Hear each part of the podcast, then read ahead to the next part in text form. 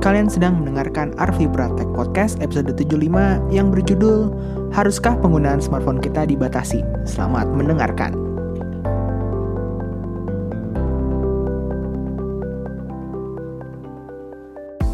Halo semua, apa kabar? Lebaran kurang dari seminggu lagi. Semoga kalian yang sudah atau akan mudik itu selamat sampai tujuan. Amin salam buat keluarga besar kalian itu kan. Ya kalau bisa ini podcastnya didengerin lah sambil mudik sambil apa bersama keluarga kalian mungkin. Gitu. Kira-kira lebaran tahun ini apa yang hits ya? Kan dulu sempet rame tongsis terus sudah gitu uh, setiap kali lebaran ada yang foto bareng pakai action kamera karena karena dia lensanya wide kan jadi dia bisa apa uh, masuk semua keluarga besar tuh bisa masuk gitu. Uh, dan ringkas juga kecil itu kan nggak ribet pengoperasiannya juga nggak ribet terus dikombinasiin sama tongsis jadi kayak lebih oke okay gitu. Nah sekarang tahun ini kira-kira apa yang ngetren ya di apa tag tag yang ngetren di di lebaran tahun ini apa kayaknya gue sih masih nungguin karena tahun kemarin kayaknya nggak terlalu rame gitu ya mungkin karena terlalu mahal terus barang-barangnya juga jarang gitu kan. Produsen drone baru rame uh, ya baru-baru ini gitu kan baru ramai di sini maksudnya mengeluarkan seri-seri yang konsumernya bukan yang prosumernya ya. Gitu. Ya kan kayak di Jazz Park aja kan sekarang udah cukup murah gitu ya untuk ukuran drone dari brand ternama gitu. Jadi kayak gue sih nungguin ada uh, keluarga normal yang foto keluarga, keluarga besarnya itu pakai drone gitu dari atas itu aduh. Terus di post di Instagram. Di post di Instagram di di aduh terus endala captionnya ntar apalah gue nggak tahu juga. Terus kayak weh apa bangga bangga gitu. Uh, bird eye view gitu kan dari atas gitu kan. Weh di the best banget gitu. oke okay.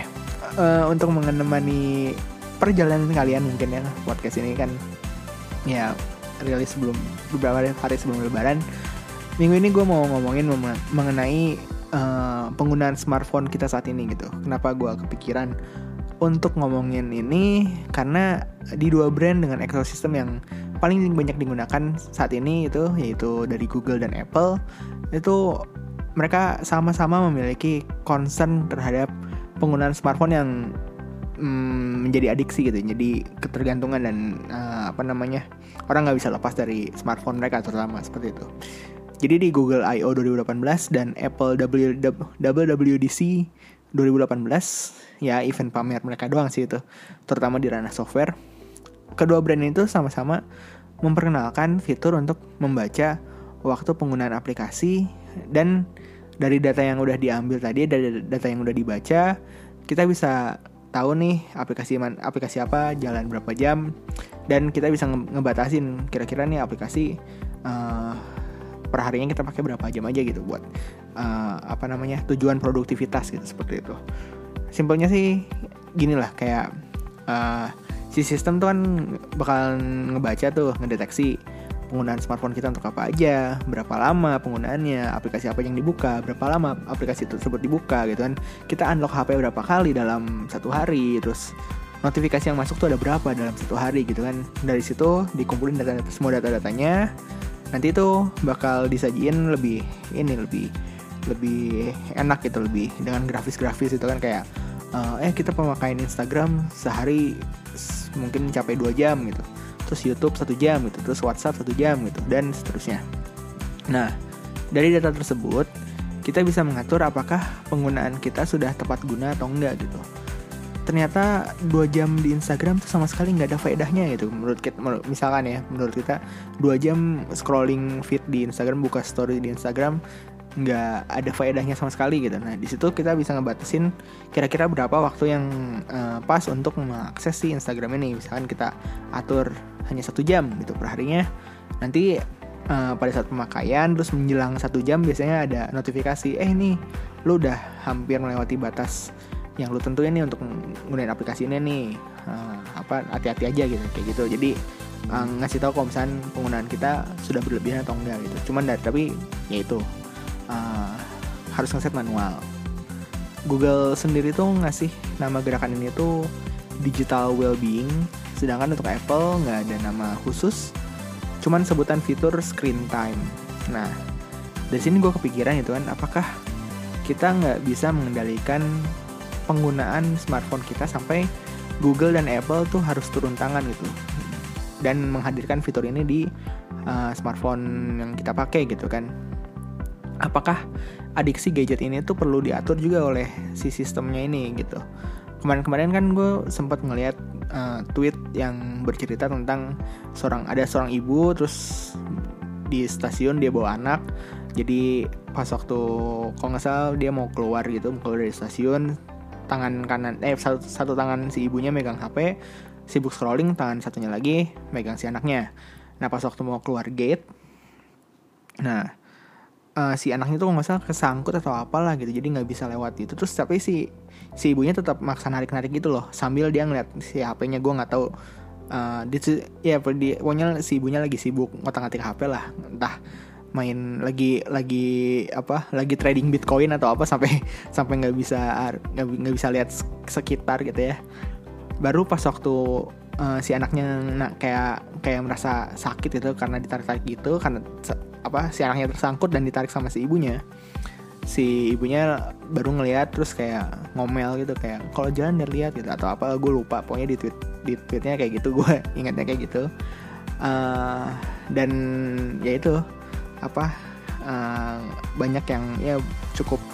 Harusnya sih gue nemu twitternya sih tapi gue udah scrolling nggak nemu dan ya maaf banget. Jadi cuman terserah kalau misalnya kalian menganggap ini fiktif atau apa cuman ya mungkin beberapa dari antara kalian juga pernah melihat yang kayak gini gitu yang ya mungkin orang-orang sibuk lagi bisa lagi rame-rame lagi makan orang-orang sibuk dengan HP-nya masing-masing seperti itu. Jadi kayak uh, apa uh, terlalu keter, ketagihan gitu dalam dalam menggunakan smartphone gitu kan bahkan Bapak Gubernur DKI Jakarta saja tuh ngasih saran kan uh, ini gue kutip perkataan beliau uh, Usul saya, letakkan gadget dan mari berinteraksi dengan warga satu bus yang ada di sana. Ya, mungkin yang repot Batman kali ya kan gadgetnya banyak ya ada Batclaw, ada Batarang, ada Smoke Pellet, ada ada apa lagi tuh uh, rope launcher gitu. Gadgetnya kan banyak jadi mungkin yang kasihan Batman kayak gitu. Cuman dari beberapa kejadian tersebut uh, mungkin ini adalah langkah awal dari Google dan Apple untuk menghindari ke kejadian yang serupa gitu. Memang saat ini uh, fitur tersebut tuh harus diatur manual gitu kan, yang berarti emang harus ada kesadaran dari usernya gitu. Tapi ya siapa tahu ke depannya bisa diambil alih sama artificial intelligence itu kan dia bisa tahu kesibukan kita. Kalau kelamaan scrolling timeline langsung ngasih tahu, bos ingat kerjaan bos gitu ya. Dia pada buka Twitter, coba buka ini aja nih terus sama si AI-nya ngasih shortcut aplikasi email, uh, shortcut uh, dokumen yang terakhir kita buka, atau enggak uh, beberapa notifikasi kalender yang jadi deadline gitu kayak gitu. Gue sendiri sih nggak ketergantungan banget ya sama smartphone ya. Gue sih lebih ketergantungan sama laptop. sama aja tuh feed dibalasnya. Tapi gue pakai laptop ini juga buat hal-hal yang bermanfaat gitu terus yang bales ah itu history browser lu isinya info HP semua, info game, info komputer, ada situs bokep juga. Kayak gitu lu bilang produktif gitu kan. ya pokoknya gue sendiri sebenarnya untuk HP nggak nggak terlalu adiktif tapi uh, laptop dan komputer yang gue mungkin hmm, masih belum bisa kompromi kayak kayak pasti ada aja yang pengen gue baca ada aja yang padahal kayaknya waktunya bisa dibuat lebih bermanfaat kayak baca buku yang lebih benefit atau apa? Kayaknya sejujurnya gue juga nggak tahu. Ya gitu. Nah satu hal yang bikin gue penasaran itu apakah hal ini dilakukan memang tulus untuk kehidupan bermasyarakat yang lebih baik? Atau ada intrik di dalamnya gitu? Karena kalau dipikir-pikir fitur ini kemungkinan ya ada beberapa yang nggak suka gitu kan. Apalagi developer-developer aplikasi. Karena dengan adanya fitur ini ya si apa namanya uh, penggunaan secara waktu berkurang gitu kan. Kayak misalnya yang ada yang ada yang contoh nih contoh ya contoh. Uh, misalkan sebelumnya buka Instagram sehari bisa tiga jam atau dua jam gitu kan. Total gitu di total dua jam atau tiga jam. Tapi dengan adanya fitur ini dibatasin satu satu jam. Nah berarti kan uh, total pengguna aktif uh, si aplikasi tersebut berkurang kan si waktunya. Dan ya ini uh, bisa berdampak misalkan jadi apa namanya susah untuk apa dijadikan bahan presentasi ke penanam modal atau sebagai daya tarik tempat pemasangan iklan gitu. Ya gue juga nggak tahu. Cuman uh, ya mungkin karena pembatasan ini ya mungkin bisa bisa seperti itu.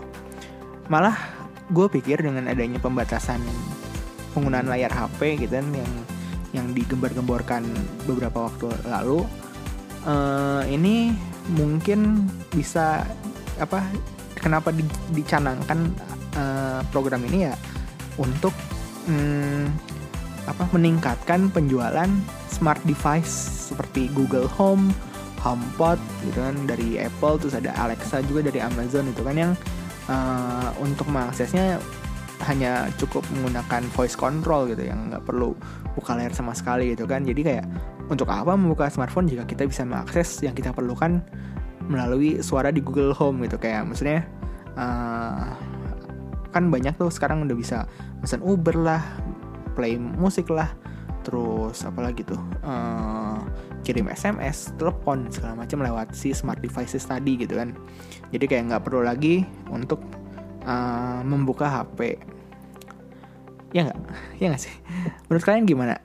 Apakah penggunaan gadget kita memang perlu dibatasi atau ini merupakan penyelewengan hak-hak konsumen gitu kan? Atau bodoh amat karena penerapannya masih lama? Karena screen time dari Apple sendiri tuh hadir di iOS 12 yang mungkin akan rilis bulan September nanti. Untuk Android sendiri, fitur ini jadi fitur andalan di Android P yang belum tentu juga HP kalian dapat update Android P gitu. Dan belum tentu juga vendor-vendor seperti Samsung, LG, uh, apalagi Xiaomi uh, mau apa menghadirkan fitur ini gitu. Karena sekali lagi itu tergantung si vendornya masing-masing gitu kan.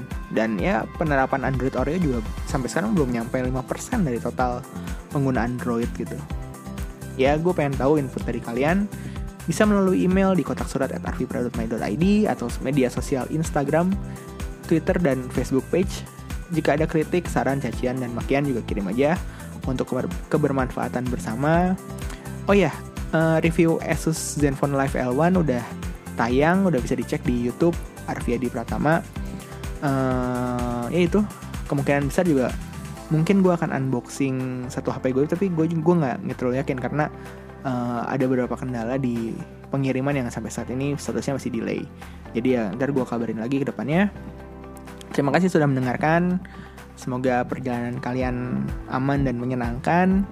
Salam buat keluarga besar kalian. Uh, selamat hari Lebaran, selamat Idul Fitri. 1439 Hijriah, ya. Kan? 1439. Kita ketemu lagi minggu depan. Arvipra nggak libur, nggak libur lebaran. Jadi kita ketemu lagi minggu depan. Bye.